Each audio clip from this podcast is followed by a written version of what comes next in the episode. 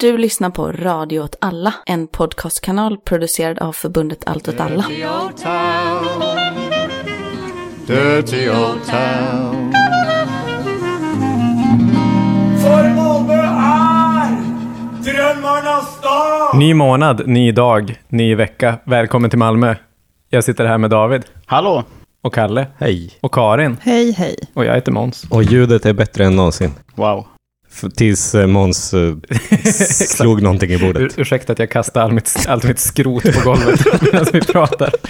Eh, det kommer säkert hända igen. Ja. Vad har hänt sen senast? Jo, sen senast har vi blivit anklagade för att inte kunna någonting om Eurovision Song Contest av Ja. vår syskonpodd Vad hände Gbg? Jag tar på mig den, för det stämmer. Jag vet mycket lite om Eurovision. Eh, och jag har inte riktigt någon förklaring till varför. Men snart kommer du ha skäl att kunna mer om det. Ja, det kommer till Malmö. Precis. Percy fortsätter vinna på ålderns höst. Ja. Han frias från hovrätten. Kaching! Eh, Eurovision kommer tillbaka till Malmö. Malmö Arena. Kaching! Eh, Percy är ett bevis för att det betalar sig att leva högt. Ja. Jag är ju lite sugen på att hyra ut min lägenhet under den veckan och bara dra från stan. Ja. Men Katri, Katrin sa, det, det, det, det höjer vårt eh, varumärke extremt mycket för flera miljoner tittare tittar och massa barn kommer kunna känna igen namnet Malmö och kommer känna det är en metropol. Vad synd det är att massa barn kommer känna igen miljön runt Malmö Arena. Ja, det är det. Men, eh, men eh, jag köper nog det. Jag, jag brukar vara en sån. Eh, varumärke och turism är skitsamma. Skit, skit i sånt. Jag sysslar inte med det. Men jag köper nog det. Ja, men å, å andra sidan kan jag väl tänka att jämfört med andra evenemang av den här, i den här megastorleken så är ju Eurovision Song Contest ganska, det innebär inte så himla stora ingrepp i stan. Liksom. Nej, och framförallt inte för kommunen. För den stad som har det är ju den stad som har liksom platsen där man kan vara. Stockholm var ju tvungna, skulle vara tvungna att bygga en arena, liksom. det är klart Ja. de inte fick det. Och som de pratar om i Vad händer Gbg, ypperlig podd bortsett från när den angriper oss på det här Ja. sättet, eh, sa inte heller har några arenor som funkar. Aha. Eh, för Varför att- funkar inga arenor Därför att de måste hålla på att bygga om flera av dem. Eh, för att de är gamla och vad heter det, bedagade. Man kan väl också... Skandinav- Bedagade? Skandina- Skandinavium är gammal och trött. Så måste byggas en ersättare. klarar inte av 10 000 LED-skärmar. Men, men, men, men eh, man kan ju också tänka att... eh, Och Malmö Arena är ofta tom. ja, också det är säga det jag skulle Ja. komma till. Det är Ja. ett stort plus. Malmö Arena mest används av eh, Red Hawks. Precis, och hur kul är det? Ja. Inte så kul. Nej, hockey är helt okej. Det är helt okej. Malmö Redhawks är inte helt okej. Mm, oj. Ja, för det måste ju ändå vara en ganska stor faktor i planeringen. Alltså att man inte kan planera Eurovision förrän ett år. Man kan Jag tänker också, att många Ja. av de stora arenorna har ju Ja, my- nej, mycket precis. längre tidsperspektiv. Men det är ju det som jag också tycker är så fett med Eurovision jämfört med alltså de större OS, VM liknande där det är de här fyraårsintervallen. För då blir det ju de, alltid de här korrupta staterna som kan bygga en arena inom fyra års tid. Medan Eurovision, då blir det ju bara städer som redan har fungerande arenor. mm, det är också lite det, det som är fel med Eurovision. Va? Jag. Eller så... För att det inte Att- är typ... det- Vem har du blivit? Nej, men, ja, ja, men, ja, ja, nu, nu intar jag det globala syds perspektiv. Ja, Att det kanske, det kanske inte bara är bra att det finns vissa länder som bara har arenor och vissa andra länder som måste bygga dem. Just, just i Eurovision Song Contests perspektiv är det kanske bra att det är ju definitionsmässigt bara i Europa. Ja, det hjälper. Så att det löser ju lite av det problemet. Ja. Ah, ja, det, det är om det. David kommer att tjäna storkovan på att hyra ut sin lägenhet. Kalle kommer stå längst fram Ja. och vifta med flaggor. Jag, jag gillar han Yohio. Du, ska, ska, du, ska du vifta med Yohios flagga? Det Vart kommer du vara Karin? Eh, jag antar att jag också kommer vara längst... äh. Nej, jag är nog hemma. Det låter rimligt. Det tror jag att jag också kommer vara. Faktiskt. Några, några som däremot kommer att vara här, det är danskarna. Så springer vi frem, tager deres balafel, og så trykker vi deres riffing. Så de kan se, hvor fucking nedtur narko kan være. Ja, jag läser ju ganska mycket nyheter. En eh, av de nyheterna jag läste, det var om tre danskar som kom till Målkläppen 2021. Vad är Måkläppen? Det är ett naturreservat för sälar. Vars då? I Vellinge. Ja, i Vellinge. Ja, okej. De avlossade nio skott mot den här sälen. Fett. Sen så läste jag en annan nyhet om hur den svaga kronan gör att det kommer väldigt mycket danskar till inte bara Malmö men hela Skåne. I och med att det kommer så mycket danskar som har liksom en starkare valuta så höjer också alla restauranger och affärer priserna. Så danskarna själv har skapat liksom en en eh, inflation i, i liksom västra Skåne på 1-2 procent. Förutom bara den inflationen vi har. Det är sjukt. Ja. Det, är, det är som att de konkurrerar ut oss från vårt eget Jag vet, land. liksom. jag vet. Från vårt eget land. och sen började jag läsa olika NATO-nyheter. Och då helt plötsligt står det att eh, svenska trupper kan ha utländska befäl. Och då börjar Åh, man ju nej. undra så här, har vi någon säkerhetsgaranti för att det inte kommer att vara ett danskt befäl? Ja. Alltså Det, vilken... det är det eh, de sitter och förhandlar ja. om just nu i Vilnius. Ja, verkligen. Vilken färg är det på deras fana? Menar du att eh, vi kommer plockas över igen? Ja, jag menar de kanske höll fingrarna korsade när de skrev under freden i Roskilde. Ja. Fast Mm. å andra sidan, nu intar jag eh, liksom det globala syds perspektiv igen här. Man kan ju se det här, den här inflationen och det som en form av imperialism. alltså att de behöver inte ockupera oss igen. De har oss redan i sitt grepp. Liksom. Mm. Ja, de eh, vinner ju på att ha en gräns där som reglerar övergångarna från vår sida. Exakt. Eh, jag, men jag känner bara att det här Eurovision är också the cherry on the top. För det kommer ju komma en riktig anstormning nästa år av danskan. Definitivt. gillar danska Eurovision väldigt mycket? Om de gör. Ja. Det är så?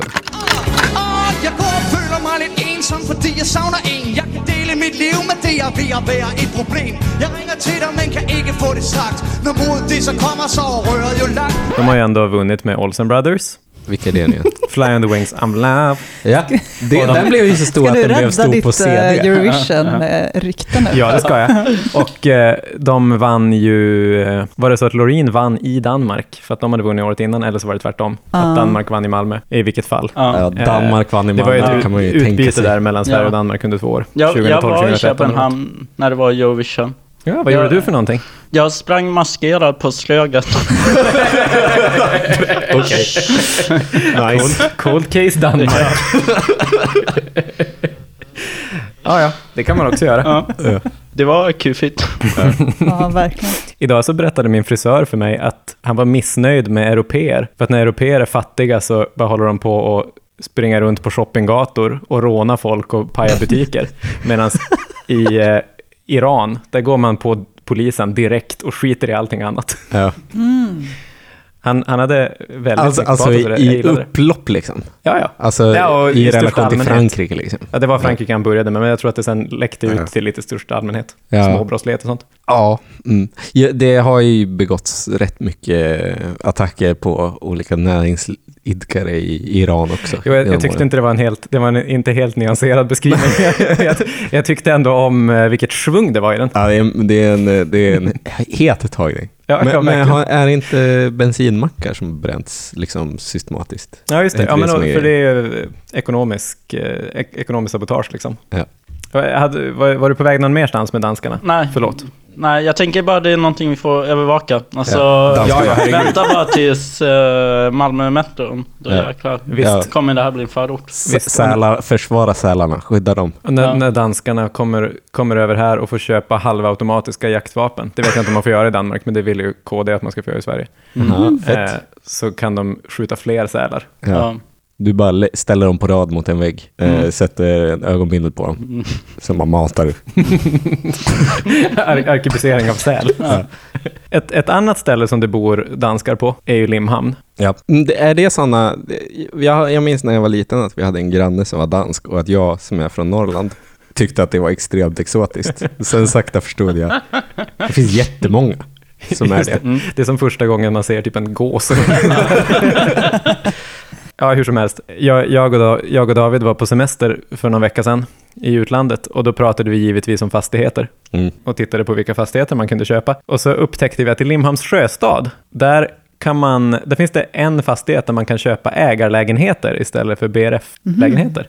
Och vad är ägarlägenheter? Det är någonting man inte har pratat om lika mycket som alliansregeringen ville att man skulle prata om. Men är det, det är liksom så condos. Eh, Alltså att du bara äger den fysiska Precis. platsen som är din lägenhet. Liksom. För, för att göra en lång historia kort, nu, nu är det verkligen public service här. Ja. 2003, jordabalken ändras. Man kan nu avgränsa fastigheter i tre dimensioner. Wow. Ni hör. Både höger, vänster, framåt, bakåt och uppåt, neråt. Höger, vänster. som det så fint heter. Ja, inte horisontellt, vertikalt. Nej, det här öppnar då upp för att alliansregeringen 2009 ska driva igenom en ny upplåtelseform som är ett alternativ till hyresrätter och bostadsrätter i fler, flerbostadshus, som är ägarlägenheter, där du alltså helt och hållet äger din egen lägenhet. Lägenheten ingår i en samfällighet istället för i en BRF. Man hoppades att det skulle produceras 4 000 per år. 2014 fanns det eh, 900 i hela Sverige. Och det verkar inte gått så jättefort, för det, ja, det har inte slagit igenom riktigt. När man googlar på det så märker man också att det här är en boendeform som små delar av branschen tror starkt på, men det finns inte riktigt så många andra som tror så pass starkt på den så de riktigt kan stå för det. För det är mycket, mycket säljtext som försöker förklara fördelarna. Fördelarna är helt enkelt att om du, äg, om du har en ägarlägenhet, då kommer ingen lägga sig i vem du hyr ut den till. Jaha. Eh, det här är det som står överst överallt, inklusive på annonsen för de här 15 ägarlägenheterna som finns i Limhamns sjöstad. Att du får större frihet Så när du bor i en sån här än i en BRF. För det är ingen som kommer lägga sig i, i hur du ändrar ytskikten, men framför allt inte vem som bor i, i lägenheten. Så du kan bara bygga, göra om det till hotell liksom? Exakt. Och det här är också, när man, när man googlar runt på så här vardagsjuridiksidor, då är det den vanligaste frågan när det kommer till samfälligheter överhuvudtaget, för det är något man har när man typ bor i stugor och sånt, och i villor. Då, då är det mycket så här, jag, jag är rädd att vår nya granne bara har köpt sitt hus i spekulationssyfte, det kommer in folk lite då och då, det är aldrig samma personer, tror inte de har bott där. Kan vi göra något? Och så säger vardagsjuristen, nej, det kan ni inte göra. Så det är liksom den skämmigaste av alla eh, upplåtelseformer, Ja. utan tvekan om saken. Men det låter ju väldigt mycket som Storbritannien. Ja, precis. Och det är, Sydeuropa är jättevanligt också. Jag, jag har själv bott i sådana här lägenheter. Och det är så helt institutionaliserat, liksom, att fram till dess att du är 45 så är du inneboende hos en person du aldrig träffar. eh, som kommer en gång i månaden kanske och så här, plockar upp ett kuvert med kontanter. Gräver Eh, runt i din mat. ja, precis. Sov, sover i alla sängar, äter, alla, Äter ur alla grötskålar. det har inte riktigt flugit i Sverige än, men det är, det är lite det där man är orolig för. Ja. Och det känns ju också som att det, det var en väldigt typisk Alliansen-regeringsreform Ja. på något sätt. Att, att smyga in, smyga in liksom utökat individansvar på det sättet. Se- Sen, sen eh, kom vi också in på att det är lite lustigt att det här byggs just i Limhamns sjöstad. Där ju allting som man har läst om det här, det här, den här stadsdelen i medierna de senaste åren har handlat om att folk vill ha mer kontroll över vem som bor där. Exakt. också för att, ja, Torbjörn Tegnhammar är så... Eh, fan vad han sa? Att, eh, att man måste förtjäna att få bo på Limhamn. Liksom. Precis. Mm, och och, och skulle, skulle det istället vara den här formen som dominerade, då skulle det vara man ska förtjäna att äga och, och själv få eh, positionera eller placera ut folk. Jo, Exakt, Men det som- kommer ju bli sån ett tredje, fjärde handskontrakt. Lyckligtvis så eh, verkar det inte som att, som att den här idén har fått så jättemycket fäste än. Eh, Nej. Dels för att det finns så pass få fortfarande, men, men också för att till och med Skanskas egen annons avslutas med information om att, att äv, även om det finns stora friheter och stora fördelar förknippade med den här, den här boendeformen, så kan det vara svårt att sälja den vidare. Ja. Eftersom Just det. många, det är inte så många människor i Sverige som känner till den. Eller att- vill men- ha den. Eh, exakt, så att Men- till, till den här ut, där ute som vill äga sin, sitt egna tredimensionella hem istället för sitt vanliga tvådimensionella. Ja. Tänk två gånger Men, men vad är incitamenten för att äga sin egen lägenhet på det sättet? Att du får hyra ut den till vem Ja, men fan det är bara det Och att som du är slipper en, en liksom. BRF. Och Ja. sen får du en samfällighetsstyrelse också. Så att, Alltså, Ja. Det det marknadsför med sig, det är ju att man får ju ändra, alltså man kan ju dra om vattenledningar som man Ja, vill, för ja. man äger ju helt plötsligt dem. Det är ju inte BRFen som äger vattenledningarna. Det- Men det är ju extremt dumt, för det är ju så här, alltså man förstår ju den här funktionen i villa, stuga, där man äger marken och Ja, och vattnet Nej. är ju bara ditt eget. Ja. Liksom. Men här är det ju liksom, blir det en vattenläcka så påverkar du a- alla runt om. Och det måste ju lösas i samfälligheten. Så kan det ju ändå finnas en massa stadgar som Ja. liksom är väldigt tydliga på vad man får och inte får göra och på vilket sätt. Det känns som att det här är en dum grej. Ja, och det måste ju också, och då blir det ju, alltså det vi snackade om på vår utlandsresa, det var ju också att många av de här sakerna Jetsetters. blir ju bara att man löser, eller det kommer ju bara bli liksom en förhandling, en juridisk förhandling. Så det blir ju att jag måste kontakta advokat A, som i sin tur måste kontakta advokat B som, Ja. som företräder den andra parten och sen så blir det, alltså, och, då, och det kan ju bli sådana här minimala teknikaliteter Ja. som man måste hash it out. Jag menar, oj, min granne har fest sen på kvällen. Ja. det då en juli? Alltså det är så här man bara, nej, det här är ju en extremt dålig form av boende. Så som sagt, om ni inte vill bli slumvärd för en tredimensionell liten fastighet, då eh, står jag över. Det är verkligen en grej som borde vara olagligt för övrigt. Alltså, vill jag ja, bara ja, föra till protokoll att vi tycker. tre dimensioner, ja. ja. Men från en, från en ovanlig upplåtelseform till en vanlig. Hyresrätten! Den är den näst vanligaste. Ja, BRF är den vanligaste. Nej, tredje vanligaste är hyresrätten. Först villa väl? Är det en upplåtelseform? Nej, det är det inte. Alltså ägt boende. Ja. Det är ju som det här som Ja. jag pratar om. Jag tror, klumpar man inte samman BRF och uh, villor? Jag tror att man gör det i vissa, vissa, vissa hänseenden, men jag tror, inte, jag tror inte man gör det. Ja. Är det, den här jag tror- listan som du började nu, är det fakta? Jag tror det är ute Ja. efter en lista jag sett en Ja. gång. Ja. Men, men jag, Ska vill, vi... jag vill ändå minnas att det är ungefär 30% hyresrätter i Ja, Sverige. det eh, låter Det är absolut... Bra. Det är- Det är ändå många. Hashed it out. Om, om någon som lyssnar jobbar på Statistiska centralbyrån eller på Boverket, vilket på något sätt inte skulle förvåna mig, Jag tänker att Lantmäteriet också kan ha koll. absolut, då, Någon av har tre. då kan ni höra av er. Om vi koordinerar länsstyrelser så borde Ja. det gå att lösa också. Vem har man av sig till? Magnus Olsson. Magnus.olsson.sd.se. så Ja. var det. Men vi känner ju till ehm, att vi har haft en lite, jag skulle säga unik, jag är inte helt eh, säker på det, men jag tror det, eh, situation i Malmö med anledning av de eh, senaste hyresförhandlingarna. Då vi dels eh, fick en hyreshöjning som var nationellt sett relativt hög i Malmö, 5% som då trädde i kraft 1 januari och sen bara typ två månader senare så påkallade ju ett flertal av de stora hyresvärdarna i Malmö nya förhandlingar för ytterligare en hyreshöjning som skulle då, de tänkte skulle träda i kraft då 1 juli. Och det är det här som vi har gjort public service announcements och disclaimers och allt möjligt om de senaste avsnitten. Ja, så inga nyheter så. Och den här ytterligare höjningen som man ville få till skulle ju vara 2% sa man från början. Eh, Det har gått ner lite nu. Men det som har hänt nu i alla fall är ju att Hyresgästföreningen sa ju blankt nej och eh, fem av sex fastighetsägare som gick in och påkallade den här förhandlingen, de har frånträtt förhandlingen. Och det är ju Heimstaden, Wilhelm, Trianon, Rosengårds fastigheter och Victoriahem. Och sen är det det här ombudet som heter Kanslihuset, som liksom är ombud för flera Mm. mindre fastighetsägare. Det är en hyresvärd som inte har frånträtt förhandlingen med Hyresgästföreningen. Och det är Josefssons fastigheter. Det är säkert. Han sitter kvar i rummet liksom. Ja, alltså om det inte har hänt någonting väldigt nyligen, men det är det senaste jag har kunnat läsa mig till i alla fall. Det- Memot gick inte var ut till ju- Josefsson. Det här var ju en månad sedan visserligen. Ehm, Ivar Tollefsen glömde mejla Josefsson och alltså, vi drar oss ut. Häng, med, häng med ut på krogen. ja. Han är liksom, Ja. han är den enda som sitter kvar i skolan liksom, medan alla andra har gått ut och skolkat.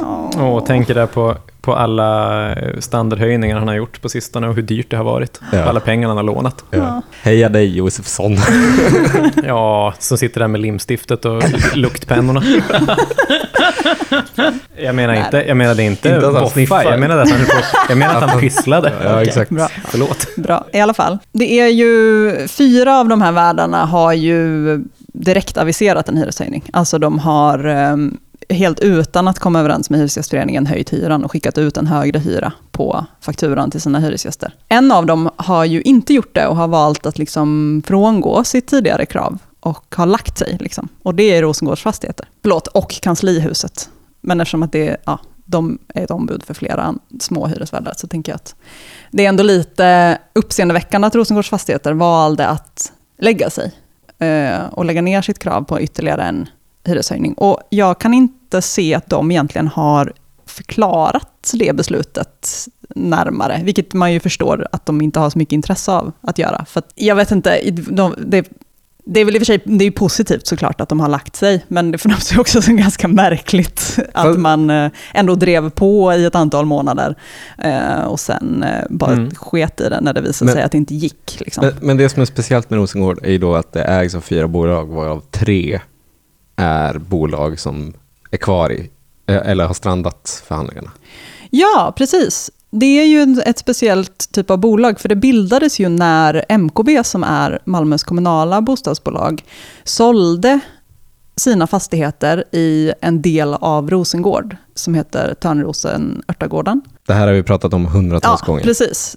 Men kort bara så um, sålde de av eh, MKB, alltså det kommunala bostadsbolaget, sålde av hela sitt bestånd till ett nybildat bolag som bestod dels av MKB själva, med en, eh, en ägarandel om, om en fjärdedel, och sen också av eh, Balder, Heimstaden och Victoriahem Victoria Park vid tillfället. vid tillfället. Ja, Men- precis. men- så Victoriahem är ju då delägare i Rosengårds fastigheter som har då backat från eh, det ytterligare yrkandet på en till hyreshöjning. Men Victoriahems för sitt eget bestånd, om man säger, i sitt eget bolag, ja, har ju direkt aviserat en högre hyra. Samma med Heimstad. Ja, precis, förlåt, Heimstaden Ja. också. Men, men, men jag, för vi, vi var ju jävligt inne i det här. Alltså jag och Måns Mm. i alla fall. Eh, Det är, det, är pre, det är före podden. Men vi var ju väldigt involverade i det. Och jag minns, jag minns att, att den stora grejen som diskuterades var ju att eh, MKB kommer alltid få sitta som ordförande i styrelsen. Styrelsen Mhm. utgörs ju av fyra, par, eh, fyra personer, Mm. en från varje bolag. Och ordförande av dem är alltid MKB. Just det. Och det är, liksom, det, det är satt i sten, så är det. Liksom. Och det, det. det var en del i liksom, resonemanget från sossarna, varför det här är okej. liksom. Just det. Eftersom att de inte har lanserat en förklaring, så vi ville det här, men sen backade vi ur, så tänker jag att det är upp till oss. Liksom. Eh, och då tror jag verkligen att det, jag, jag tror verkligen att det kan vara där det brast. Liksom. Alltså för MKB var ju väldigt mån om att inte höja hyran en gång till. De har inte gått in i en ny förhandling. Liksom. Eh, och jag kan tänka mig att MKB är väldigt måna om att ha en god relation till Hyresgästföreningen. Mm. Det kan Och- faktiskt jag också tänka mig. Och, fatt, alltså, och, och liksom i Absolut Rosengård Fastigheter AB är ett stort bolag för att de äger massa hus som påverkar, som är, liksom, administrerar folks hem. Ganska, eh, 1600 va? Nej, mer Ja. än 1000 i alla fall. Ja, någonstans där. Ja. Så, det, så det är ju per definition liksom stort, men det är ju en ganska liten aktör. Liksom. Eh, Så är det ju. Och, och då spelar ju en, en fjärdedel av styrelsen spelar ganska stor roll, liksom, tänker Mm. jag. Och framförallt när den är ordföranden och är så, om vi gör så här eh, så, så kommer jag vara jätte, jättesur jättelänge. Men kan Och det, det spelar rätt stor roll. Liksom. Det- Och då, då får man typ ge sossarna lite rätt. Att så, Rosengård Fastigheter AB, så vitt jag vet, är en fruktansvärd fastighetsägare som på många sätt är värre än tidigare. Men jag tror att det här är en unik situation. Liksom, för den unika liksom, konstellationen som det är. Liksom. Mm, jo, men det kan nog stämma. Jag, jag, jag, tror att, jag tror att det, är en ganska, att det är en ganska rimlig spekulation att det har med MKB att göra. Men kan man inte också tänka att det är lite så här saving face också för de fastighetsbolagen som utger sig för att ha något så här socialt ansvar. Ja. Eh, jag tänker på det att, att Lifra också direkt ställer sig utanför. För deras, deras eh, framtoning är ju att de är så här, vi är typ allmännyttan fast vi är privata. Ja. Mm. Att vi svinar oss inte lika mycket som de andra. Att just, för de, just för de här företagen är det ganska viktigt av någon anledning att, att eh, inte bete sig på det här uppenbart fula sättet. Liksom. Mm. Men det var det jag tänkte också komma in på. Dels att eh, när jag har pratat med folk som är aktiva i Hyresgästföreningen i, i Rosengård och i det här Mm. området specifikt, så har man beskriver man det ju som att det har varit en ganska stor mobilisering ändå liksom, bland hyresgäster i området och många som har hört av Ja. sig till Rosengårds fastigheter specifikt. Och, um, Så att det, det är verkligen en fråga som har eh, lyfts och Mm. hörts liksom, bland hyresgästerna Ja, i precis. området. Ja. Och sen att, ja men precis det du är inne på, att Rosengårds fastigheter verkligen har den så, tydliga inriktningen på det här socialt ansvarstagande, också lokalt förankrade bostadsbolaget. Ja, det, det tänker jag är väldigt viktigt där. Alltså Ja. att, att det här, att- Det blir väldigt mycket identitet Ja, liksom, i att vara Rosengård. Så. precis. Eh, bara typ en dag efter att Rosengårds fastigheter hade gått ut och sagt att vi lägger oss så hade de ju den här stora, eller stor, men eh, en festival som de anordnar, som de kallar Rosengårdsfestivalen varje år. Så man kan ju bara tänka sig också liksom att vara i den situationen där väldigt många hyresgäster är väldigt upprörda och man så här i helgen ska hålla den här jättetrevliga stadsdelsfestivalen för sina hyresgäster. Vad gör man liksom? Det blir lite Det udda. blir som ett ganska rimligt val att bara, så, okej nej, vi kanske får Man, skita i det här man kan ju också tänka ja, nej, sig, precis. komma igen nästa år istället. för, för, alltså för hyresgästen, eh, alltså den individuella hyresgästen, som får en aviserad ny hyra som de enligt lag inte är skyldiga att betala, alltså vilket är all, jättemånga av Heimstadens hyresgäster, Victoria Hems hyresgäster just nu, liksom. Från hyresgästens perspektiv så är det ju verkligen att man blir lurad, liksom. att ens hyresvärd försöker lura en. Mm. Man kan ju tänka att som eh, eh, en lokal hyresgäst, eller så hyresvärd, som heter Rosengård och som bara finns på Rosengård, så spelar det ganska mycket roll att man inte vill det. Mm. Att alla ens hyresgäster ska vara så, ni försöker lura oss. Speciellt också eftersom att eh, Rosengårds Fastigheter AB, så vitt jag vet, har ganska mycket andra problem med sina hyresgäster. Alltså hyresgäster som misstror dem och liksom. Och de har ju också många hyresgäster som det här är en ganska känslig Exakt. fråga för. Alltså eftersom det är färre höginkomsttagare. Liksom. Eh, så att det tror jag absolut. Alltså ap- apropå det, tror ni att, att eh, de som eh, jobbar på Heimstaden, att de njuter lite av att alla utgår ifrån att de är tjuvar. alltså att när de, när, när de tänker på de här sakerna, då är de så här, fan vad skönt att alla hatar oss. Ja, exakt. För att vi kan liksom, vi skulle kunna avisera en hyreshöjning på 50 procent och folk skulle bara, ja, det är de där igen. Exakt, Ja, ja, och så, och, om de inte får igenom det så är det som bara att man, ja exakt. ja, alla skrattar tillsammans. Mm. Ja. En härlig Det, position att vara i. det, är också, det är också sad va? Det är sorgligt. Att klä sig i skurkrollen va? Man måste inte det. Mm. Du måste inte vara skurken. Nej, eller hur? Det blir så självuppfyllande efter Men, ett tag. men jag liksom. undrar om det är så härligt för de som är, är, har liksom de eh, lägre positionerna i företaget. Ja, nej, det suger alltså för dem, för dem kan... Fan vad trist att vara kan- fastighetsvärd på Heimstaden. Ja, eller ja, ja, men vad som helst. För de eh, kanske ändå bor i närområdet eller liksom känner någon som bor i Heimstad. Alltså, Ja. det är svårt att försvara. Ja. Så ja, jaså, du jobbar på det företaget? Ja. Men eh, lite apropå, också, bara som en parentes apropå eh, Rosengård Fastigheters eh, goodwill, så surfade jag in eh, lite på deras eh, hemsida. Så. De eh, håller ju liksom i trådarna för det här eh, som vi kallar Culture Caspa, Just det. Mm. stadsutvecklingsprojektet. Vad var det det först Och skulle heta? försöker eh, rebra- jag vet inte, Det, var- det var något annat. Vad fan var det? Törnrosen Tower. Törnrosen Tower. Ja, Fett. för att eh, de eh, Taggen. försöker ju rebranda det här stadsutvecklingsprojektet lite från att bara handla om att det ska finnas ett torn. Nej, Som På, sen eh, eventuellt skulle bli en platt kvadratisk byggnad. Det var Ja, så man har sänkt dumt. förväntningarna lite Ja. och sen så förklarar man det mer som att eh, det är liksom hela stadsutvecklingsprojektet Ja. i Törnrosen Örtagården som ju är en, eh, alltså från kommunens håll, en del av en större utvecklingsplan för hela Amiralsgatan-stråket och stationen och bla bla. Så. Rent varumärkesmässigt jävligt dum idé att lansera det som vi ska bygga ett torn. Om det inte är det man ska göra. Verkligen, De har, det har varit svårt för dem. Ja. Men jag, vi blev ändå övertygade. För det här bolaget, precis som vi nämnde, då, det startades ju under lite så här märkliga, eller ehm, i ett väldigt specifikt sammanhang. Och det startades ju för att kunna, eh, för, för, också i syfte att genomdriva det här stadsutvecklingsprojektet. Så det håller man ju på med nu. Och då väntar man väl, jo man är i en detaljplaneprocess, typ, eller flera, jag vet inte riktigt. Det tar ju ganska mycket tid. Så då presenterar de själva så här, eh, att de har eh, nu sedan förra året typ börjat smygstarta Culture Caspa-projektet. Lite grann. Och så blir man nyfiken. Ja, vad gör de då? Ja, men då är det typ så att de bara, eh, vi har byggt eh, Eh, typ en lekplats här och typ nya sittplatser på torget och lite så här mat, eh, typ någonstans där man kan laga mat utomhus och typ renoverat den här amfiteatern. Som ni kanske har sett. Det låter jättebra. Så att den kan användas för så här kulturevenemang Mm. och sånt. Det låter ganska schysst. Fast det låter ju också ganska mycket som standardunderhåll. om man ska vara sån. Ja, just det. Ja, precis. Men det är lite dubbelt. För man läser och bara, oh, men gud vad bra. Det kommer bli jättefint. Vad härligt att de gör det. Det är, Visst, visst. Ja. Bara, ja, nej. Det är verkligen men, eh, smyg. Jo. Mm, Ja. mm. Det, det känns ju som att hade man inte kallat det för smyg hade det bara inte varit. Nej. Men- Nej, exakt. Så att, ja, lite både och där. Jag, Lite mm, positivt överraskad och lite besviken. Ja, ja, jo. jag tänker att Culture Caspa kommer bli rätt toppen. Alltså. Jag, jag, Va, ja. alltså det, problemet, problemet med det är ju bostadsrättsbyggandet. Ja, och den ursprungliga utförsäljningen. Men Ja, den är exakt. det inte mycket att göra åt vid det här laget. Nej, exakt. Eller ja, det hade ju gått att köpa tillbaka. Nej, nej men, men så, jag, jag tänker att det kommer vara ganska trevligt när det är klart.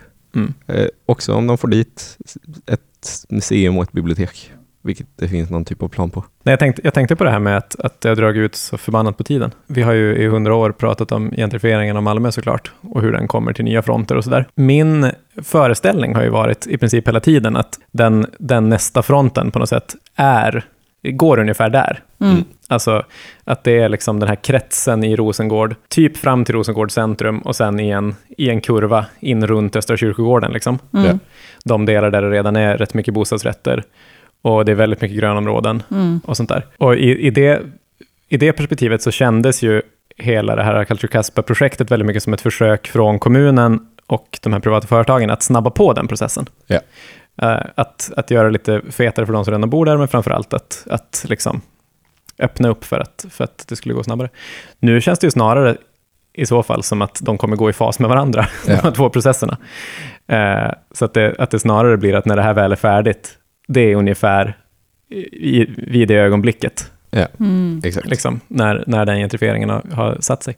Om det blir så. Jag, jag lägger fortfarande min hundring Ja. på att, på att eh, det kommer se ut så om tio år. Liksom. Mm. Ja, det blir en lång podd det här, men det kanske är... Det går ju att klippa hur mycket som helst. det- Det som är nice med att spela in i en och en halv timme är ju att då kan man klippa lite mer skoningslöst. Man Aha. behöver inte Jag skämmas. tänker att det är bra för att det är så här lite sommarkänsla. Precis, Man har tänk så på... mycket tid. Ja, folk vill bara sitta tempot. vid stranden och lyssna. Det är bara ett på- lugnare tempo. Liksom. Ja, tänk så Jag tycker här. vi ska anamma det. Ja, ja, faktiskt. Jag ska inte hålla på och försöka hugga in hela tiden. Nej, får linje jag fortsätta nu eller? Nej, jag ville jag ville bara prata om Knasens extra feta sommarnummer som jag läste ofta när jag var liten. Knasen för någonting. Precis. Det var alltid 52 sidor istället för de vanliga Det här, 26. är, det här är andra gången du nämner det här i podden. Ja, Det slog mig vad ska jag säga? Vad ska jag Men det här är vårt Knasen sommarnummer. Ja, precis. Det låter jättebra. Eh, var var vi någonstans? Vi pratade om hyreshöjningarna i Malmö specifikt, ja, och eh, Rosengårds fastigheter som har lagt ner sitt bud. De andra eh, bostadsjättarna som har direkt aviserat en hyreshöjning nu i månadsskiftet juni-juli. Frågan är ju vad som händer eh, härnäst. Det får vi se och det blir väldigt spännande. Man, Hyresgästföreningen har ju mobiliserat ganska mycket för att eh, förmå folk att inte betala den högre hyran som är direkt aviserad och oförhandlad då. Om man, bor i ett, om man går in på vägradubbelhöjning.nu, ser att man bor i en adress som påverkas, men man har inte fått post från Hyresgästföreningen, eller om man har inte fått någon som knackat på ens dörr, kontakta Hyresgästföreningen, säg det till dem. Hej, ni måste komma till mitt hus, för eh, det ska de göra. I alla fall, jag tänker också på att man kan ju säga då att det här blev ju en strandad förhandling. Att man kom inte fram, man kom inte överens. Så vitt jag har förstått så eh, har det ju inte hänt i någon annan eh, stad eller kommun att fastighetsägare har velat ha en dubbelhöjning på det här sättet som de gjorde i Malmö. Men däremot så var ju alla, alltså nivån på hyreshöjningarna för 2023 enligt den liksom, alltså de som och trädde i kraft generellt då vid årsskiftet, eh, var ju osedvanligt eh, hög och eh, så vitt jag förstår också var det osedvanligt många förhandlingar som strandade. Där har jag försökt eh, utläsa lite vad resultatet har blivit av alla de här strandade förhandlingarna och vad som har hänt. Också med tanke på att det har införts en helt ny eh, mekanism i, i lagstiftningen som gör att man kan få liksom en så här tvistlösning i domstol, typ, eh, vid kollektiva förhandlingar, vilket ju inte har funnits innan. Inte domstol, hyresnämnden. Det är ju en domstol. Ja, men, men jag tänker att det är viktigt att, Absolut. att man Eh, tydliggör vilken. Men jag har inte kunnat eh, läsa mig till eh, vad som har hänt, så det får vi också vänta på. Eh, jag tänker också att det sannolikt måste finnas fler exempel runt om i landet på hyresvärdar som har gjort sådana här direktaviseringar. Och hyresgästföreningar som har försökt mobilisera folk att inte betala dem. Alltså det här året liksom. Just Men- för att det har varit så Har inte- svåra förhandlingar. Jag har liksom inte läst de här sakerna så noga, men har det inte, har det inte varit att Hyresgästföreningen på lite olika ställen har försökt göra rätt sak av det här? Inte bara, och alltså inte bara i Skåne, utan Mm. de har gjort det typ i Stockholm. Mm, precis. Där. Så att, Ehm, vilket för övrigt är också är ett tecken på hur otroligt mycket Hyresgästföreningen satsar på just det här, får man ja, ju säga. Alltså, de gör ju definitivt en stor sak av det. precis. Så att, ah, jag vet inte. Det blir mycket lösa trådar här. Vi får se vad som händer med det här framöver. Ehm, sen kan man väl också bara konstatera att det var ovanligt höga hyreshöjningar i hela landet det här året och det kommer antagligen bara bli värre nästa år. Ja. Ja. Därför att man har ju ett sånt här bakåtblickande perspektiv när man eh, sitter och räknar på kostnadsökningar och så. så att, eh, alla, eh, alla, kost, alla kostnadsökningar som har varit har liksom inte slagit igenom i årets hyreshöjning. Och eh, nästa år så kommer det komma ikapp de här räntehöjningarna som har varit nu till exempel. Och så. Eh, vilket ju är någonting som man har på nationell nivå mellan parterna kommit överens då, specifikt räntorna tänker jag, att man faktiskt ska ta hänsyn till. Mm. Och det kommer man ju, det kommer ju bita Det kommer oss i röven framåt också. Liksom. Så det är ju trist. Ehm, sen läste jag en ganska intressant granskning i Hem och Hyra, där man konstaterar att en majoritet av de bostadsbolag som har gjort högst hyreshöjningar för 2023 finns i region södra Skåne. Yay! Åh, kan vi få gå över Och det till är, ju jag! det är vår region. Vad coolt. Um, Hyresgästföreningen, Hyresgästföreningen består av olika regioner, så det är Hyresgästföreningsregionen södra Skåne som man hänvisar till. Då. Ehm, på topp 10 av liksom högst hyreshöjningar för 2023 är sju av bostadsbolagen sydskånska. Plus att man var liksom, uh, mycket snabbare i södra Skåne på att komma överens. Ehm, det har ju varit väldigt utdraget som sagt och många strandade förhandlingar i övriga landet. I, I södra Skåne så var man ändå ganska kvick på att komma till eh, skott och eh, få till en, en överenskommelse om hyreshöjningen. Ehm, och Hem och Hyra ställer sig ju den relevanta frågan, varför ser det ut så här i södra Skåne? Bra fråga. och pratar då med en förhandlare på Hyresgästföreningen i Malmö. Han lyfter väl upp egentligen två förklaringar till varför det ser ut så här i södra Skåne. Och det är dels att han menar då att fastighetsägarna i södra Skåne gick ut särskilt hårt. Sen gick de ju ut hårt i andra delar av landet också med så yrkanden på 10% i hyreshöjning och sådär. Men att det var liksom lite extra turbulent i Skåne för att det var flera kommuner som stod inför dramatiskt ökade priser på gas, men också fjärrvärme som ju var en grej som jag vet att vi pratade också om i podden då. Fjärrvärmen, där gick ju E.ON ut och sänkte, de prognostiserade ju att de skulle behöva höja fjär- fjärrvärmepriset med typ 20% och sen gick de ju ut och sänkte det ganska Ja. snabbt. Så det var ju blev egentligen ju ingen ändå- stor grej liksom. Men det blev ju ändå typ 13 procent. Ja, absolut. Alltså- Sen det här med gasen, alltså för det är det han säger, den här förhandlaren på Hyresgästföreningen. Han säger så här, när man möter en motpart vid förhandlingsbordet som står inför sexdubblade priser på gas, då förstår man att det är på riktigt. Då, där finns risken att bolagen ska falla om de inte får en hyreshöjning. Låt dem dö. Låt dem Det, dö. låter, det är, en ganska, är inte det där en ganska konstig inställning att gå in i, i en förhandling? Alltså så här, du är så svag Ja. så att jag måste låta dig vinna. Ja. Låt dem dö. Det, det känns inte dö. som att den här förhandlaren är från businessvärlden. Nej, det här, är, Nej. det här är inte så Donald Trump. Vad, vad, vad är hans bok? Eh, the Deal. The, method, the, Art of the Deal. The Art of the Deal. Nej, precis. Det är inte Art of the Deal det här. Nej, det är det inte. Nej. Men vi kommer in på det Ja. mer. För att den andra anledningen som, som Hyresgästföreningens förhandlare anger till att man har fått så höga hyreshöjningar i södra Skåne, är att i södra Skåne så har vi en lösningsinriktad kultur. Nej, nej. Malmöandan. Varför säger man så? Vi har aldrig pratat om konceptet Malmöandan, men nu är det här. Va? Vad är det? Malmöanda, det är, det är ett sånt konstigt begrepp som fanns eh, i Malmö för länge sedan. Alltså under Kockumstiden och alltså industri-Malmö. Då, Ah. pratar, då pratar man mycket om Malmöandan. Det här som heter Göteborgsandan om man Ja, är i. Göteborg. Det Eller finns många typ andar. Bodenandan om man är i Boden förmodligen. Men Malmöandan är alltså specifikt täta, täta band. Specifikt mellan kapital och socialdemokrat. Ja, för att citera Percy Nilsson, Socialdemokraterna har ändå gjort mycket för den här stan. Men lite så den svenska modellen också. Ja, Alltså, ja, ja, går lite på. koncentrerad form på en Exakt. geografisk plats. Exakt. Mm. Och det, det är bara att det blir, så, det blir så mycket mera flagrant på lokal nivå för att det blir, liksom, blir privatperson till privatperson. Mm. på något sätt. Precis. Riktiga staten ansikten. och kapitalet sitter i samma båt.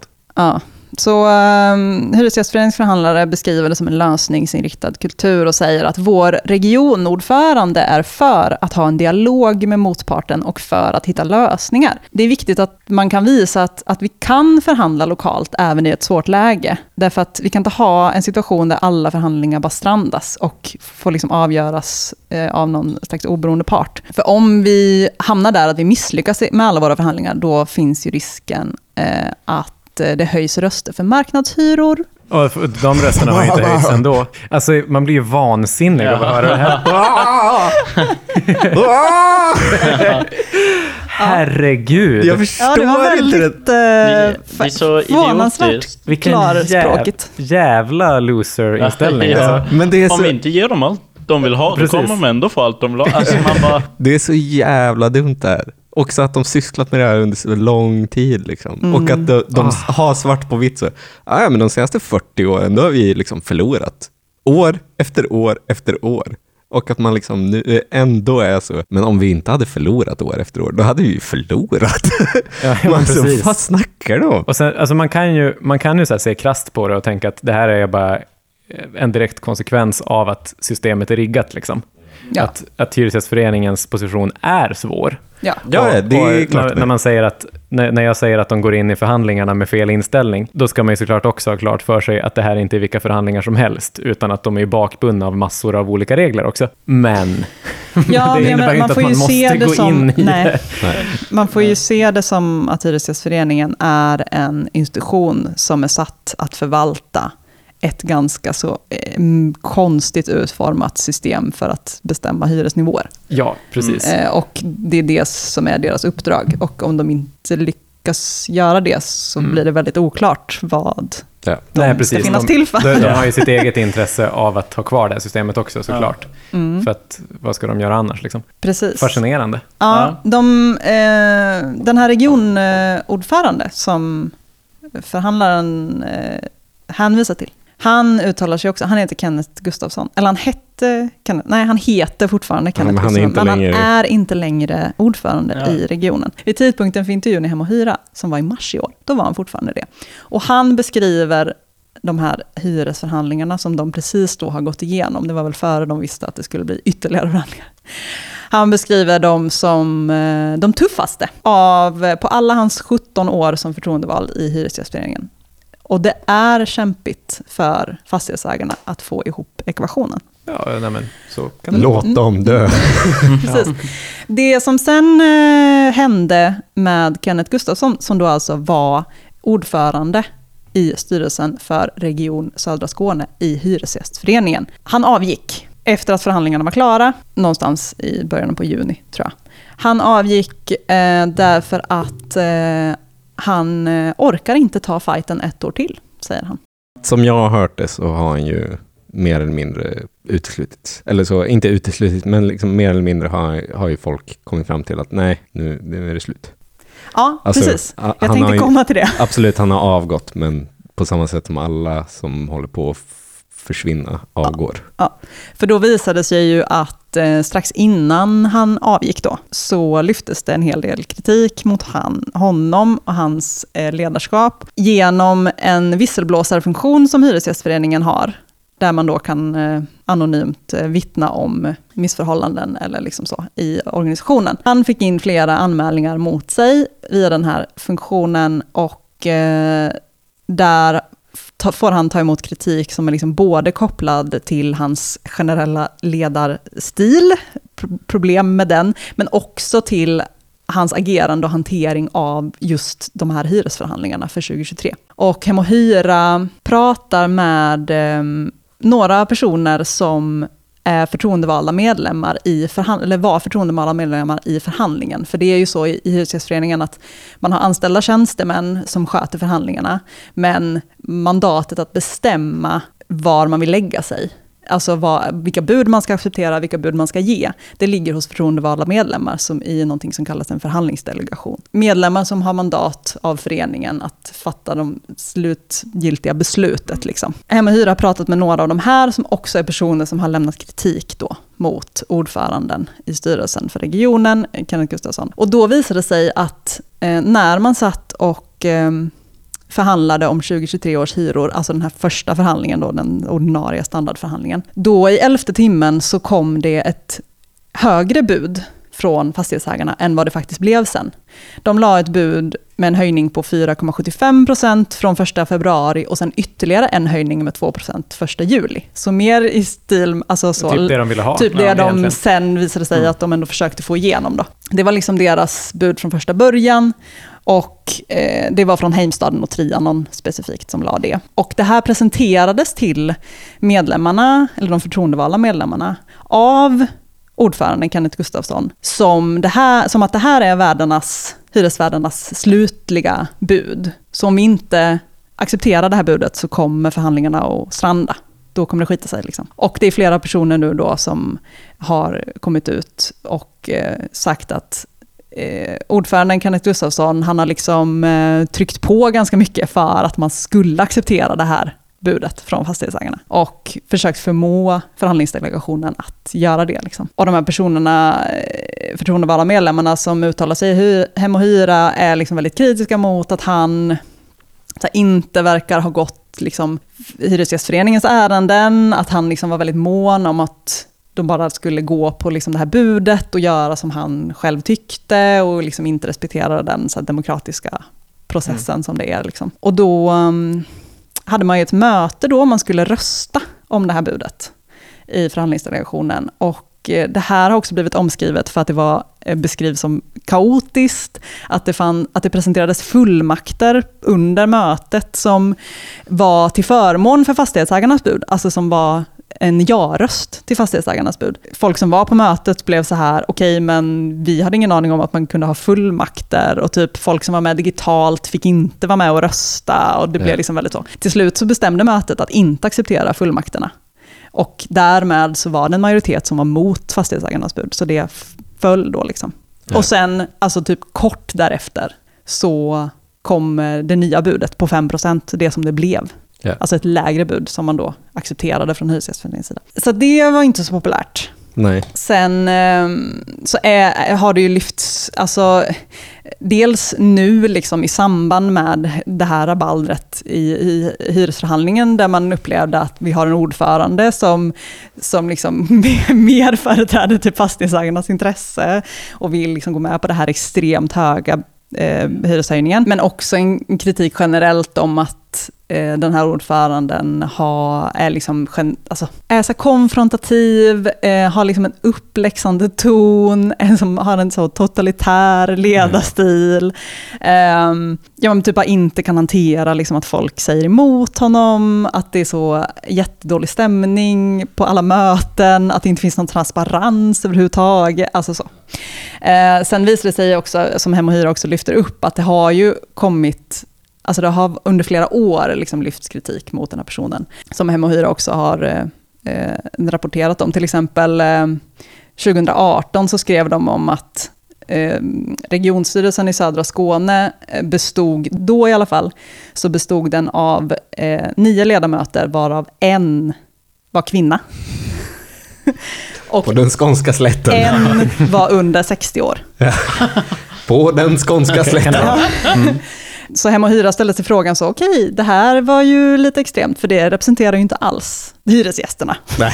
Eller medlemmarna. Då har Hem och Hyra fått tag på eh, Eh, ett gäng yngre kvinnor som har suttit i den här styrelsen i eh, Region Södra Skåne och berättat om sina erfarenheter av det. Och det verkar vara jättetråkigt och hemskt för att eh, de har den här ordföranden, då, Kenneth Gustafsson, som har ett enormt kontrollbehov, dikterar allting, sitter och basar över liksom ett kompisgäng av gubbar som helt saknar all form av mötesstruktur, har en nedlåtande jargong gentemot kvinnor, skämtar så här med anspelning på könsroller och också pratar jättemycket skit om de anställda.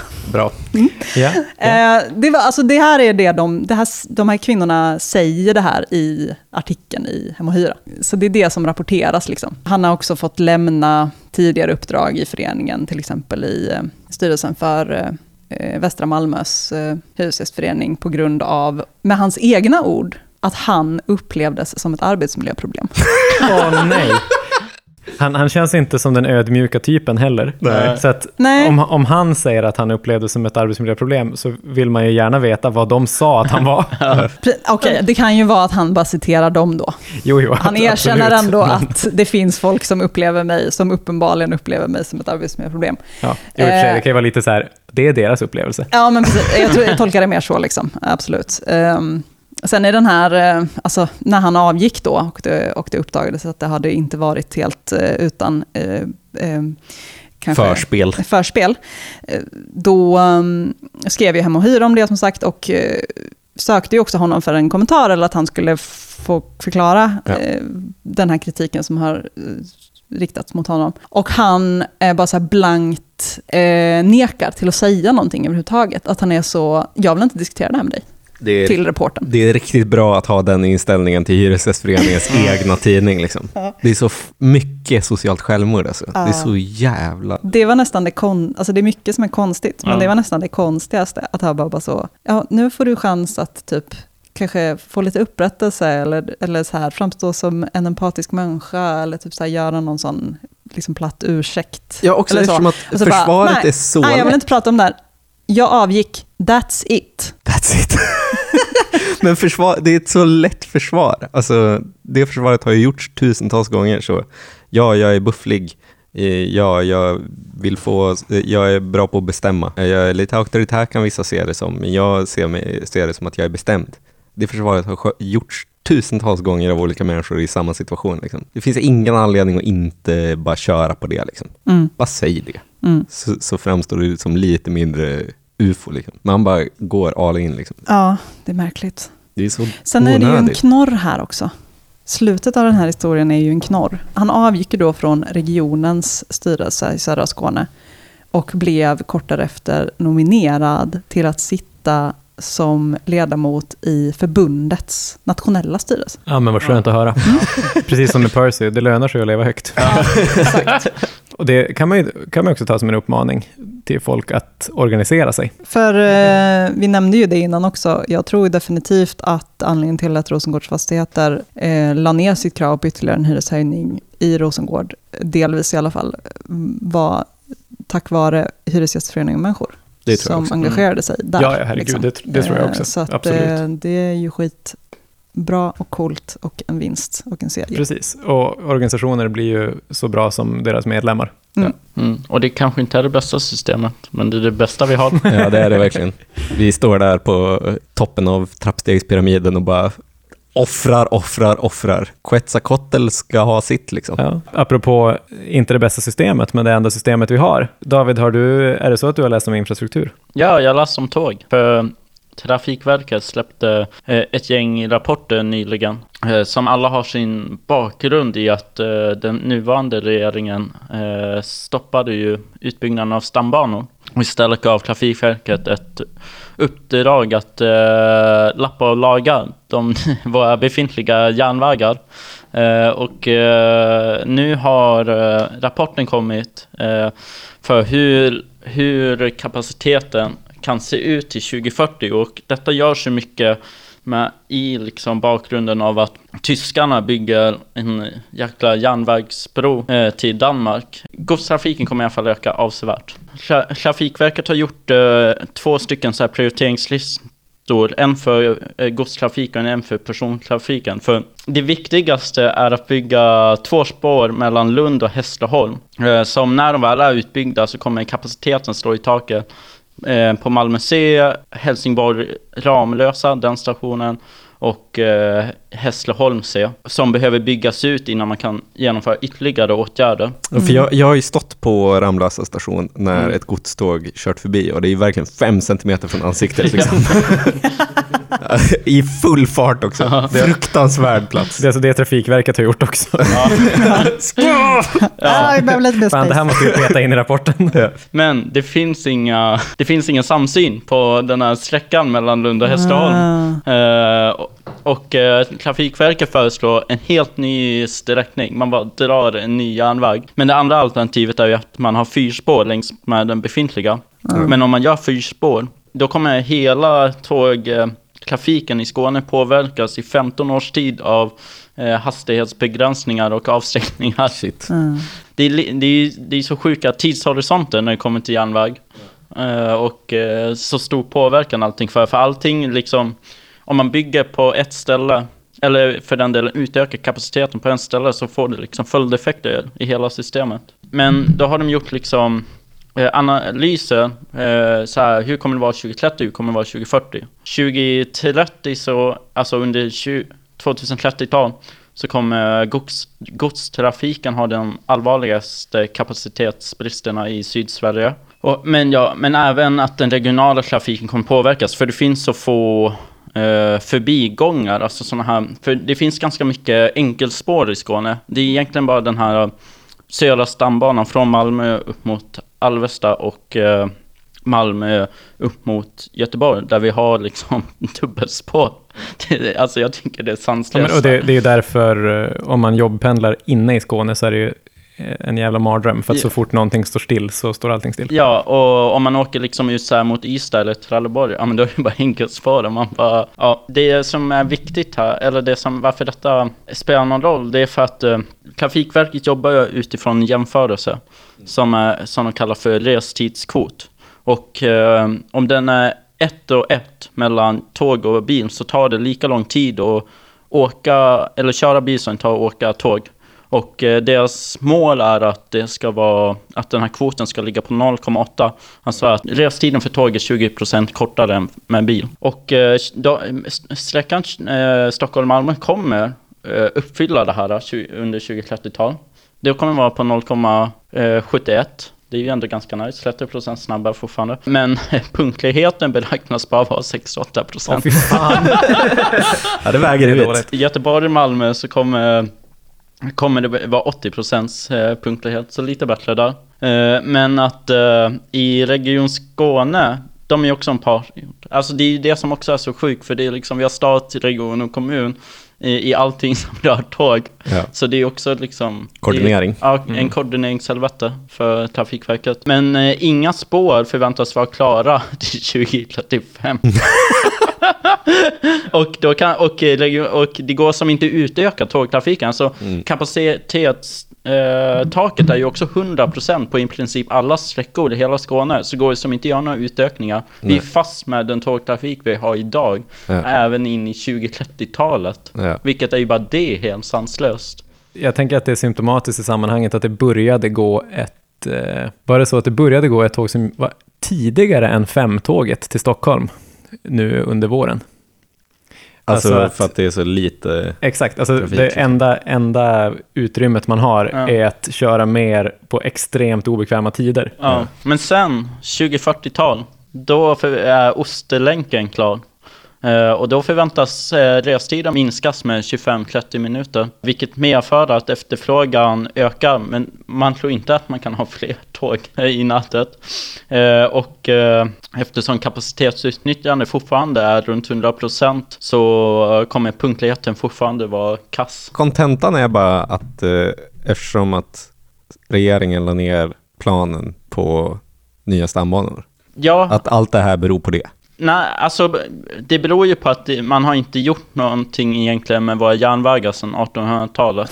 Ja. Alltså det är på, jag tror det var att de skrev sedan 90-talet, eller tidigt 00-tal, så har resandet ökat med 80% på tåg. Mm. Eh, och det är ju, så på 90 och 00-talet så brydde man sig inte alls om tågen. Man Nej. gjorde ju ingenting. Och sen nu när det har bara exploderat med att resa tåg så, så måste man helt plötsligt göra en massa grejer. Men då är det ju väldigt tråkigt att man inte, för det var ju det ändå den förra regeringen bör- påbörjade. Men de, det tog ju åtta år av utredningar för Ja. man skulle liksom börja komma nära att bygga stambanor. Ja. Och hade man gjort det, då hade man ju kunnat flytta över väl, en väldigt stor mängd av persontrafiken på de nya stambanorna. För när vi säger, när vi pratar om de nya stamba, stambanorna, då är det alltså stambanor för höghastighetståg. Ja, Det är så det är Ja. Känt kanske. För Ja. I riksmedia. Med eh, Precis, och som, som skulle gå på ett så att säga effektivare sätt, åtminstone om man, om man är en som bor i en större stad. Ja, Mm. Eh, för, det, för det är väl också en del av kontroverserna kring dem, Mm. och en del Mm. i att det tog så lång tid. Att, om, om jag inte minns fel så skulle Jönköping bli ett nav Mm. ja. i, Och det i vill det här vi nya fan systemet. inte. Nej, men det, det, kan, det kan man ju förstå att, att de, alla de här mindre orterna i Småland, Mm. de förlorar ju på det. Ja. Alltså, för att det de- innebär att Alvesta-Nässjö till exempel tappar väldigt mycket. Eh, men det skulle också innebära att det blir mycket bättre tvärförbindelser mellan Oslo och Stockholm, Oslo-Malmö. Ja. Eh, sådär. Så att Mm. det, det är väldigt synd. Men Jag, jag, jag, jag tycker det finns ett, ett skäl att bara lite kort uppehålla sig kring det där. Alltså, jag vet inte om du sa att det är Trafikverket som har skrivit den här rapporten i alla fall, det, som har kommit upp nu nyligen. Och det har ju varit mycket, mycket snack om den i medierna också. Och den är skriven i en sån otroligt passiv-aggressiv ton. Ja. För att Trafikverket själva, det är ganska tydligt att de ville ha den här gamla lösningen. Liksom. Ja. Alltså gamla lösningar som alltså var de här Exakt, exakt. Den, den något äldre lösningen, ska man väl säga. Och de, de trycker väldigt hårt på, på det här att det kommer inte förbättra kapaciteten, det kommer bli pissdyrt. För det, ja, det har man kanske läst om också, att, att genom att inte bygga stambanorna så gick man miste om flera miljarder i EU-stöd också, som i princip hade, eh, om jag kommer, kommer ihåg rätt, hade kompenserat helt och hållet för det man sparar genom att göra de här mindre Det sakerna. var ju också, det var ju också en, en sån skandal om att Sverige i den här EU-nämnden, eller vad man ska kalla det, som beslutar Mm. om liksom vilka, vilka sträckor som ska satsas på, att Sverige liksom var första land i, i världshistorien som sa så, nej vi vill inte. För alla andra är så, yes nice, äntligen så får vi pengar för att betala de här jättedyra infrastrukturprojekten. Sverige är så, nej tack. S- Sverige, Sveriges roll i EU är väldigt rolig just nu. Att det är så här, vi säger nej till att bygga ut tåg, vi säger nej till miljöskydd, vi säger vill ja till in- Turkiet. Ja, exakt. Det är verkligen att man en jävligt konstig eh, värld man lever i. Men, Men, det, den här fucking regeringen alltså. Ja, den Det är verkligen något alldeles extra, alltså. Skojare liksom. Ja. Ja. precis. Men alltså en, en sån här sak, som jag, jag tror inte de pratar om det här i Vad händer Gbg, eh, det är ju att Precis som man, som man vill bygga Lund-Hässleholm så vill man också satsa på Göteborg-Borås eh, och på Stockholmssidan vill man satsa på Stockholm-Linköping. Och så, så finns det liksom inget bra sätt att göra det här på. Trafikverket säger att det här kommer bli problem. Det blir pissdyrt att bygga på den här korta, korta sträckan. Alltså meterpriset är otroligt högt. Och det är en massa väldigt oförutsägbara problem också. Så man har tagit fram lite olika lösningar. När man, när man gör en kostnadsberäkning för den här sträckan mellan Göteborg och Borås, då brasklappar man med en, eh, en felmarginal på 110 procent. Nice, bra. Eh, 40 till 110 procent.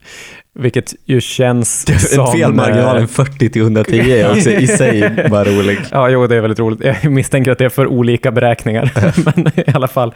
Eh, som, som på något sätt på något sätt diskvalificerar hela planen. Det är väldigt synd att vi måste fortsätta med den här regeringen i en hel mandatperiod. Men, alltså jag tycker ju ändå det det är lite intressant att regeringen är så måna om att liksom bara inte, inte alltså att nedmontera samhället liksom. Alltså, ja, men verkligen. och att det verkligen är det som är projektet liksom. Ja. Eh, jag tycker ändå det är lite spännande, för det är svårt att förstå varför. Eh, de, den förklaringen som de flesta kör med är ju, nej men de är inkompetenta, de vet inte vad de sysslar med. De eh, hade ingen plan för vad de skulle göra när de satt i regering. De var bara ute efter att vinna. Det är därför Ebba Busch liksom stod i debatt och ljög. Liksom. Mm. Var så, vi, vi kommer ha sänkt elpriserna till julafton. Jag lovar. Och, och sen upptäckte hon, oj, elpriser, det var ju svårt. Eh, och det krävde massa statliga ingrepp och det vill man inte göra. Eh, så, så det är ju en, en teori som finns. Att de här människorna är dåliga på att styra ett land eller en organisation eller liksom styra saker. De är ganska bra på att liksom vinna val. Helt okej på det i alla fall. Men i alla fall, så då kommer ju till slut Trafikverket med lite mm, alternativ. Eh, när, när vi har massiv kapacitetsbrist, har inte hunnit eh, bygga ut eh, spår och kan inte därför utöka. Och då så, ett, ett sådant alternativ är att ställa om den regionala kollektivtrafiken från tåg till buss. Eller komplettera tågtrafiken med buss. Ett annat alternativ är att styra om långväga resor till andra transportmedel. som flyg. Eller långfärdsbuss. Jättebra idé. Och ett tredje alternativ är distansarbete. Ja! Alltså vi reser inte. Och man bara, hur, hur, denna, hur kan vi ha kommit till denna punkten när vi bara ska ge upp på tåg för det går inte. Alltså det är helt sanslöst. Ja, men det, det, det, är- det är det där som är lite roligt att läsa allt det där. För att man kan liksom inte, man kan inte tänka att de menar de där sakerna som liksom, det här är sånt vi rekommenderar. Utan det är bara så här, okej, vi har den här pissiga situationen. Här är några olika dåliga sätt vi kan lösa det. Ja, eller så bara gör vi det som alla andra i hela världen gör just nu. Alltså att man bygger eh, tågspår för supersnabba tåg så att persontrafik kan gå på dem. Exakt, och så att man kan komma direkt från Malmö till Jönköping. Kom igen, Ja. 2023. Så det kan, vi, så kan vi äntligen få se... det? Bongo bar. Bongo bar. Ja, Bongo bar. Vättern. Är det Vä- Ja, Vättern? en kilometer Vätternstrand, mitt i stan. Det kommer vara mycket lättare att gå på DreamHack. Just det. ja, Och alla andra mässor på Ja. Elmia. Men jag vill, och på någon av alla uteserveringar runt Munksjön. Jajamän. jag vill i alla fall lansera en grej här i podden. För en av kontroverserna med de nya stambanorna var att det skulle paja naturen och liksom skapa mycket buller runt Ja. om. Så därför tycker jag att vi ska ha en tågbullerzon genom Sverige. Där, där du vet, det bara tillåts vara lite Ja. sämre. Det tillåts vara sludge metal och tåg. Ja, Ja, ja, ja. Så, och ett jättelångt plan B. Och varje år så är det en sjuk, sjuk festival. Mm. Som går från Malmö till Stockholm. Ja. Fantastiskt, man går in i varsin ände. Ja, Carcass spelar i mitten. ja exakt. Sunno hörs genom hela Sverige.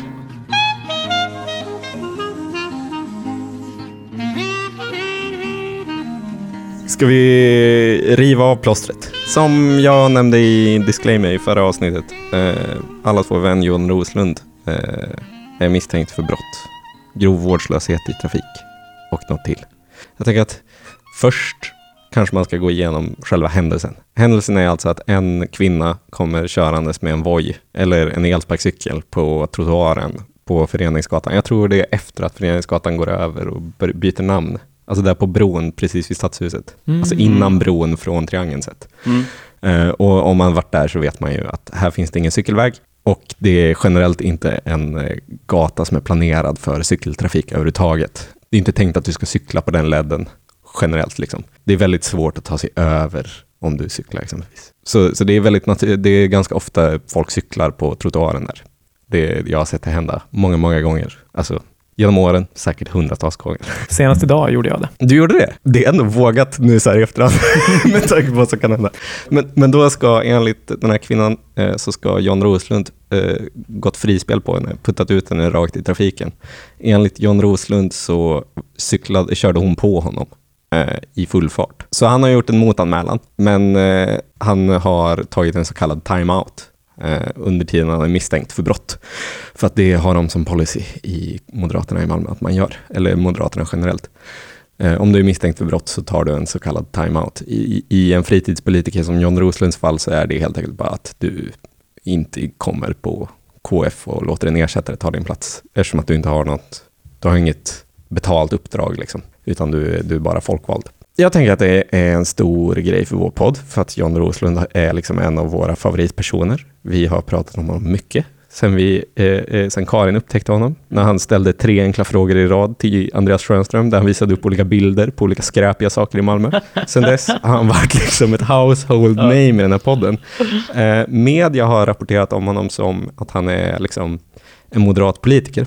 Men jag tänker att vi ändå har någon typ av skyldighet att prata om det som om det är John Roslund. Som Eh, en gammal vän. Ja, jo, För det är men väl där det landar på något sätt. jo, verkligen. Alltså för att det, ja, alltså jag känner ju lite så. Jag känner, jag känner hela den här händelsen. Jag, jag får höra om det här på omvägar samtidigt som det händer förut. Så jag drar ju till Stadshuset för att kolla vad fan det är som händer. Liksom. Eh, så, så jag var ju sen start deeply investerad i det här. Liksom. Och jag känner ju verkligen nu att jag är typ osugen på kommunpolitik sen där. Alltså att, att för att eh, vi, vi har ju Alltså kommunpolitik är oftast inte så jävla spännande att liksom ha koll på. Det händer ganska sällan saker som är värda att prata om. När det händer så är det, blir det väldigt tekniskt. Så det vi har behövt göra är att vi behövt prata om alla roliga och konstiga personer. Typ John Roslund som liksom självpåtaget är en kufisk person liksom, som kommer med kufiska grejer, lanserar så jag är han som går 10 000 steg om dagen. Liksom. Eh, det är kul liksom. Eh, men jag har typ tappat hoppet om det är det här det blir. Liksom. För Mm. att, eh, för att eh, eh, det, är liksom, eh, det, det är för smutsigt. Liksom. Men, men så, för om det, och, och den här kvinnan gick ut i media, hon har varit med i SVT och liksom gråter i sändning när hon berättar om den här traumatiska händelsen. Liksom. Så jag tror att han är bränd. Liksom. Jag tror inte Mm. han kommer, även om... Jag kände verkligen det här slutet när jag Ja, såg den, det klippet. För även om han frias, vilket absolut inte är otänkbart, även om han är skyldig, liksom. Jag vet inte om han är skyldig, obs. Men, men låt säga att han är skyldig, det är ändå väldigt tänkbart att han frias, för det är ett brott som är liksom ganska svårt att bevisa egentligen. Mm. Men även då så tror jag att han är bränd, för att han är fritidspolitiker och fritidspolitiker är extremt lätta att byta ut. Eh, De hänger väldigt, väldigt löst eftersom att de är tillsatta av partiets medlemmar. Eh, Alltså, liksom valsedeln sätts ju av medlemmarna. Mm. Och eh, liksom tappar du tio personer som är så, nej, jag, jag är lite skeptisk mot John nu efter den där grejen. Det spelar ganska mycket roll liksom. Så jag tror han är rökt oavsett vad, vilket kommer betyda att vi kommer liksom inte fortsätta ha koll på det här. Alltså, jag tror verkligen Att vi inte det- kommer fortsätta ha koll på KF. Nej, alltså på rättegångarna och Jaha. sånt. Alltså, Nej, Nej. den är väl ganska, alltså han är inte en, en tillräckligt, Han en är- tillräckligt offentlig person heller för att det ska Nej. vara så spännande. nej, Det är inte men heller ett, den typen av mål som har med hans... ärende som, som Nej. är intressant i sig egentligen. nej, men precis. Eh, precis. För oss eller så. Jag tänker att vi ändå har någon typ av skyldighet att säga det är John Roslund det handlar om, på grund av att vi har den väldigt, väldigt spe- speciella relationen till honom. Liksom. Men också f- kan jag tycka för att han är inte som andra liksom, fritidspolitiker. Han har drivit egna personvalskampanjer, han har tagit plats i media, han uttalar sig i partiets namn mer frekvent än andra fritidspolitiker. Liksom. Det är väldigt tydligt att han själv hade velat vara liksom, Moderaterna Malmö. Liksom. Eh, Så Mm. därför tänker jag att Kan han få vara det en stund extra? han, jag tycker att han ändå kan få vara det. Liksom. Nu är det trist för att John Roslund lyssnar ju på podden, vet vi ju. Vilket betyder att vi kan liksom inte gå loss och vara så, "Öh, vad betyder det? Öh, fan vad tokigt. Eh, för att det, då hade han blivit sur på oss. Vilket jag inte tycker att han ska bli. Liksom. För att jag, jag tycker inte det är en så spännande relation att ha. Nej, Eh, men eh, alltså, jag känner mig bara väldigt personligt liksom, besviken. Jag har blivit osugen på att hitta nästa Jo- John Roslund. Liksom. För att nu ryker han troligen.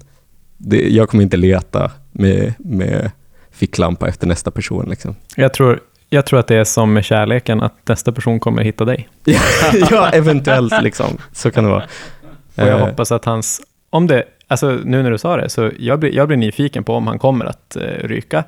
Eh, jag, jag tycker var, vare sig för eller emot, men jag tänker att det säger någonting om eh, Moderaterna i Malmö som organisation. Ja. Mm. De har ju vilket, vilket, vilket beslut de fattar, både, både sett till hur lätt det är för dem att ersätta någon, Ja. för det är ganska svårt att rekrytera fritidspolitiker också, Jo, även om de såklart har några såklart. stycken som skulle knoppa in.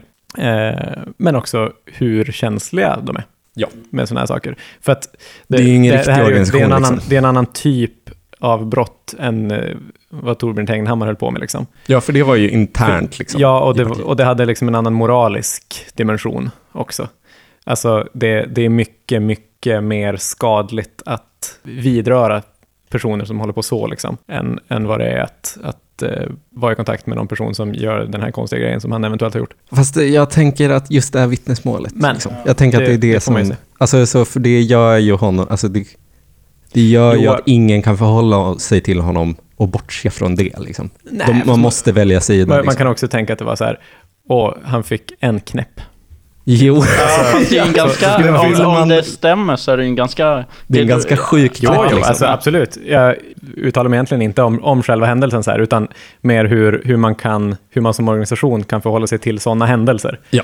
Att det inte är ett systematiskt beteende som, som eh, betraktas som omoraliskt av nästan hela samhället. Liksom. Mm. Men, men eh, det här, egentligen så vill jag ju prata om liksom, vad som driver människor till att liksom, hypotetiskt putta en kvinna rakt ut i gatan bara för att hon kör en elsparkcykel på trottoaren. Liksom. För det är en typ av beteende som, som finns i samhället. Alltså, Mm. alltså en ty, eh, just så medelålders män som liksom letar efter någon som gör lite fel.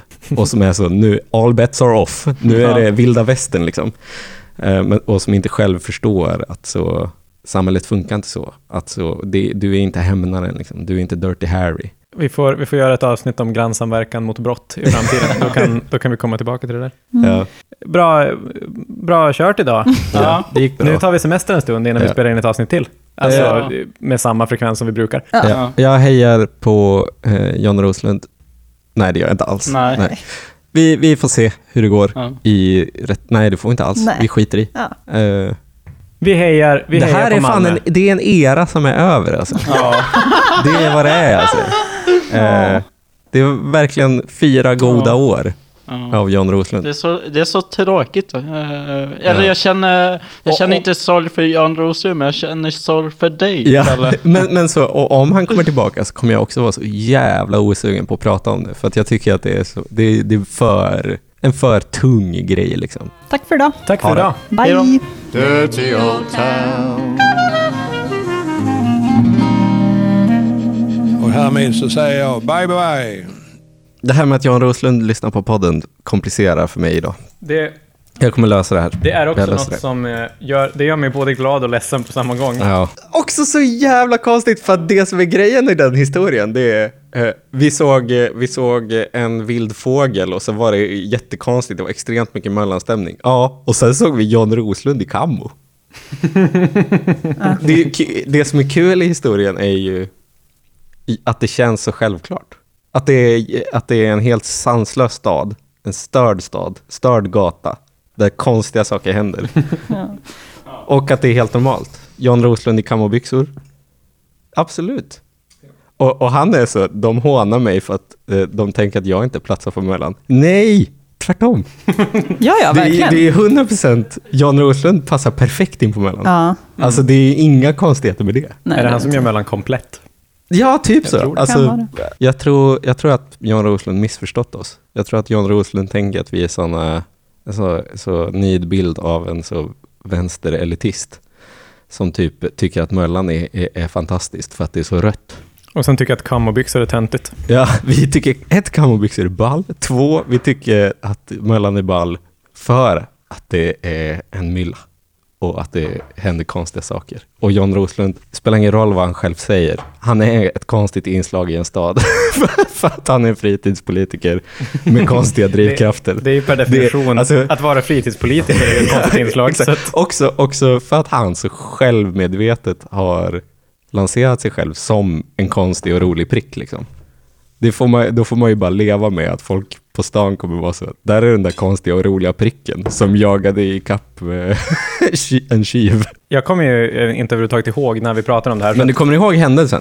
Nej, jag gör inte det. Var inte du med? Jag, jag, Jag tror jo, inte alltså, det, eller? Jag känner lite igen Jag ram, tror- jag är ganska ramen. säker på att du var bara inte med. ihåg själva... Det var med Martin från Vad hände Gbg? Ja! alltså var det, var det den gången som det var en förrymd fågel som Exakt, försökte? ja, nu, exakt. nu är jag med. Och ja, att en ja, man med en gren, en kvist, Precis, som på något sätt skulle locka skulle liksom locka ner fågeln Åh. från ett träd. Men han hade skrivit om att vi, vi, vi hånar honom för att han är på Mellan. Det gör vi absolut inte. Nej, Kom till Mellan oftare. Vi kan ses. om någon ska vara med i podden. Jag säger inte att någon ska vara, jag säger om Ja. någon ska vara. Ja. Stående inbjudan. Ja, för det är ju verkligen den enda intervjun vi hade kunnat göra där vi alla kommer ut segrande. Liksom. Jag tror det också. Ja. De flesta intervjuer vi hade kunnat göra hade vi varit förlorarna i. Ja, jo, jo alltså det är sant. Man, man måste ändå ha båda fötterna på jorden.